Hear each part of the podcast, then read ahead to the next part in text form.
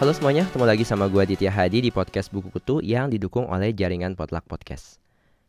Buat kalian yang baru pertama kali dengerin podcast ini, podcast Buku Kutu adalah sebuah podcast yang membahas tentang berbagai hal menarik dari dunia literasi, biasanya berupa review buku, obrolan dengan penulis atau penerbit, serta hal-hal lain yang seru untuk dibincangkan di dunia buku. Jangan lupa buat follow akun Instagram gue di @podcastbukukutu dan akun Twitter @podcastbuku biar kalian bisa dapat informasi terbaru tentang dunia buku. Podcast ini bisa kalian nikmati di berbagai platform podcast favorit kalian seperti Spotify, Apple Podcast, Google Podcast, dan selain itu, podcast buku itu juga bisa kalian nikmati di YouTube. Caranya langsung aja buka kanal Potluck Podcast, PODLUCK Podcast, dan cari konten-konten yang ada judulnya Buku Kutu. Di episode kali ini, gue mau membahas tentang sebuah buku fiksi, genrenya romance. Judulnya adalah Finn, F-I-N-N, karya Hanidi. Sebelumnya Hanidi ini pernah bikin beberapa buku seperti Little Love, Nasty Glassy, kemudian Rooftop Buddies tahun 2018, dan Fin ini baru terbit di tanggal 13 Januari 2020 kemarin. Gue tertarik baca buku ini karena banyak banget yang ngomongin di goodreads.com, dan ketika gue cek di Gramedia Digital juga masuk salah satu yang paling populer. Selain itu kalau kalian lihat covernya itu tuh menarik banget. Jadi backgroundnya tuh orange gitu. Kemudian ada gambar cowok yang punya sayap kupu-kupu lagi berdiri dan berkebalikan ada perempuan yang seperti menggunakan gaun dari kelopak bunga. Pokoknya indah banget. Thank you banget desainer sampulnya pas gue baca itu karya dari Livi Wongso. Kemudian gue tahu akhirnya kalau buku ini mengangkat tema yang cukup sensitif sekaligus menarik khususnya buat orang tua kayak gue, orang tua dari dua anak perempuan yang cantik-cantik, yaitu tentang kisah seorang anak autis.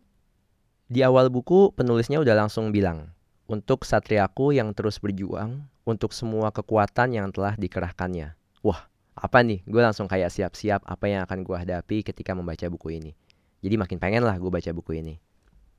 Buku ini dapat label Metropop, tapi biasanya kan buku Metropop itu mengisahkan tentang kehidupan perkotaan, Jakarta, dan lain sebagainya. Tapi beda dengan kebanyakan buku Metropop yang lain, buku Fin ini justru mengambil setting tempat di Balikpapan, Kalimantan Timur, jauh dari Jakarta. Tokoh utama di buku ini adalah seorang cewek umur 19 tahun, namanya Elizabeth Bakhtiar atau biasa dipanggil Liz. Dia dikisahkan punya sebuah trauma dengan adiknya yang bernama Arthur. Adiknya ini sebelumnya juga mengalami autis, tapi sekarang sudah meninggal. Tiba-tiba Liz ini dapat informasi dari seorang cowok yang dia nggak kenal, namanya Andika Gautama. Dia ketemu di grup Facebook Komunitas Autisme Indonesia. Dan katanya Andika ini punya adik cowok namanya Finn, F-I-N-N. Dan dia lagi cari terapis, karena terapis sebelumnya udah keluar. Akhirnya Liz pun karena dia punya pengalaman nanganin adiknya yang autis, dia pun memutuskan untuk pergi ke Balikpapan. Padahal waktu itu dia lagi kuliah. Kenapa Liz akhirnya memutuskan itu kalian bisa baca sendiri. Tapi kemudian ketika dia sampai di balik papan, dia kaget. Karena dia kira Finn itu adiknya Andika Gautama itu masih kecil. Masih bisa lah dia gendong-gendong atau semacamnya. Tapi ternyata Finn ini udah remaja. Jadi wah gimana nih cara gue meganginnya ya? Selain Andika Gautama dan Finn, di balik papan itu juga ada ayah Agus. Ayah Agus nih ayah dari Andika Gautama dan Vin. Sebenarnya ada ibunya juga namanya Ibu Montik, tapi Ibu Montik ini udah meninggal. Selain itu ada tokoh-tokoh lain yang namanya lucu-lucu, yaitu Acil Komodo, Jula Komodo, dan Mbak Septi. Jadi mereka ini adalah kayak pembantu-pembantu, supir, dan tukang nyetrika gitu di rumahnya si Andika Gautama dan Vin gue nggak akan ngasih spoiler di sini, tapi ada satu paragraf yang menurut gue kayak bisa mewakili seluruh cerita dari buku Finn ini. Yaitu seperti ini. Walau sudah tiga minggu di sini, aku merasa rumah ini terlalu aneh. Keluarga ini lebih aneh daripada keluargaku. Ayah yang tukang perintah dan kasar, anak sulung yang gak berdaya, dan anak bungsu autisme yang sama sekali gak dianggap. Mungkin tadinya yang mengikat mereka adalah Bu Montik. Sekarang ikatan itu lepas. Mereka semua bingung apa yang harus dilakukan. Jadi inti dari cerita ini ya satu paragraf tadi gitu. Kemudian diceritain perjuangan Liz untuk menjadi terapis dari Finn yang udah remaja juga. Dia nggak bisa gendong-gendong, dia nggak bisa ngapa-ngapain. Udah terlalu besar untuk dia urus. Dan bagaimana Andika Gautama sebagai seorang cowok, seorang kakak, dia menghadapi ayahnya yang seperti nggak mau tahu kalau Finn ini autis, kalau wah udah lalu seharusnya mati aja kayak gitu. Dan banyak harapan yang tertuju sama Andika ini, bagaimana dia menghadapi stres itu, itu yang diceritakan di buku ini. Selanjutnya gue akan kasih review gue terhadap buku Finn karya Hanidi ini di segmen kedua.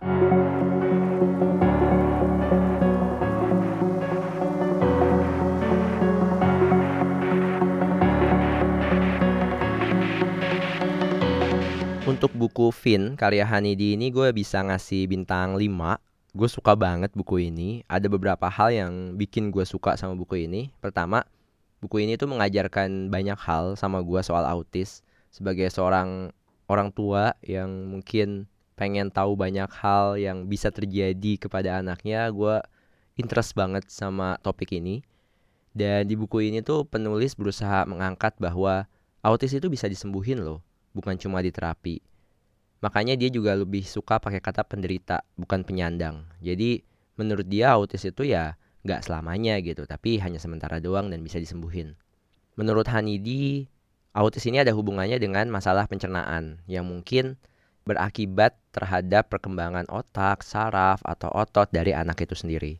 Makanya dietnya harus khusus biar masalah pencernaannya bisa diatasi.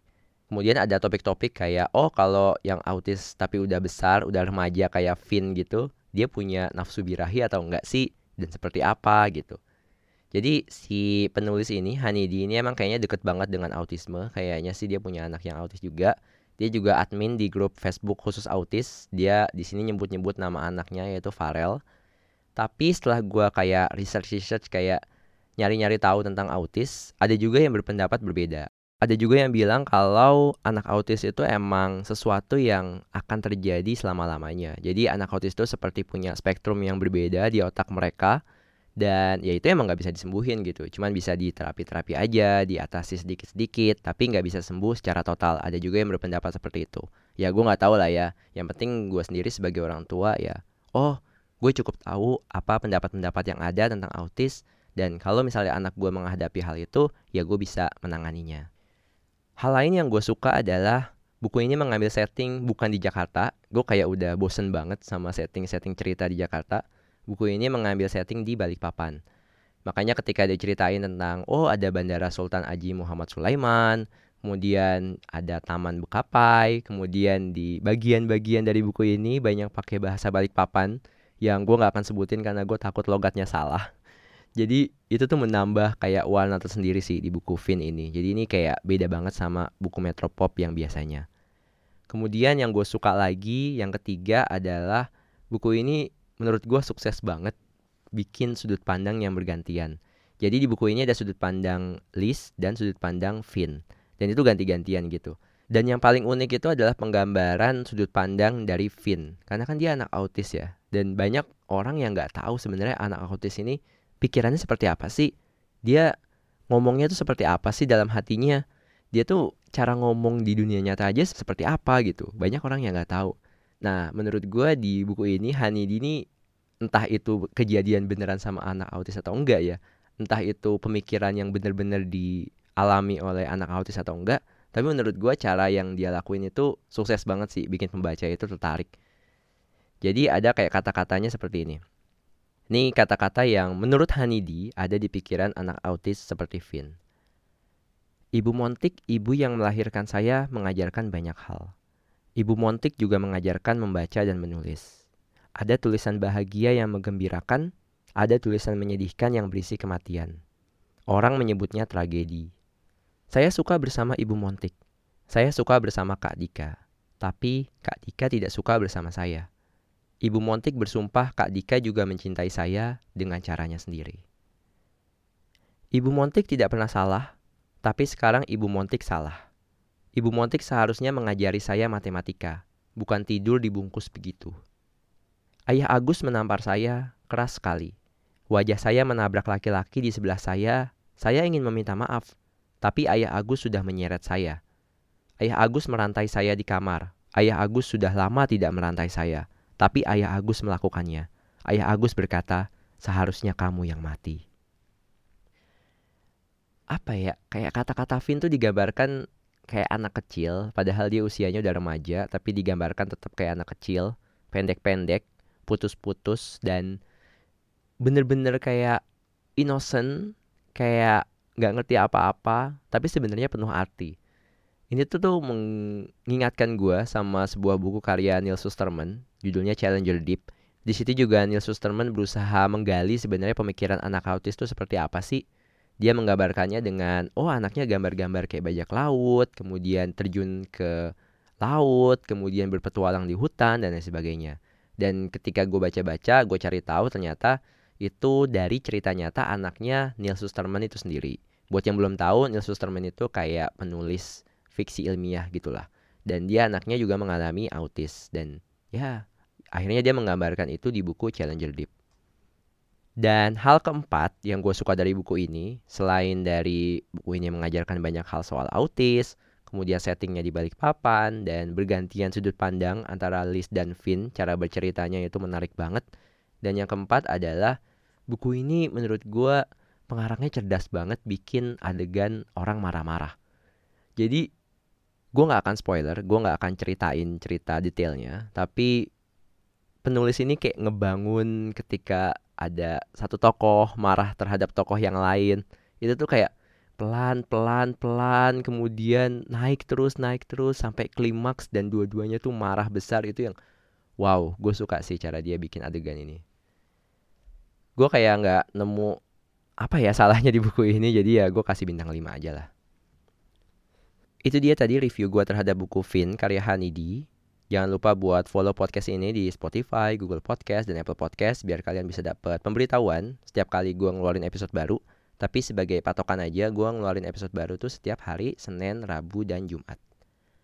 Kalau kalian mau reach out gue buat ngasih rekomendasi buku apa yang harus dibahas, atau penulis mana yang harus gue ajak ngobrol, atau kasih topik menarik soal dunia literasi, bisa langsung reach out gue lewat Instagram at podcastbukutu lewat Twitter at podcastbuku atau email ke podcastbukutu at gmail.com. Jangan lupa juga untuk beri dukungan bagi jaringan Potluck Podcast. Caranya follow aja Instagram at Potluck Podcast. PODLUCK, PODCAST. I think that's all. Thank you for listening. See you and ciao.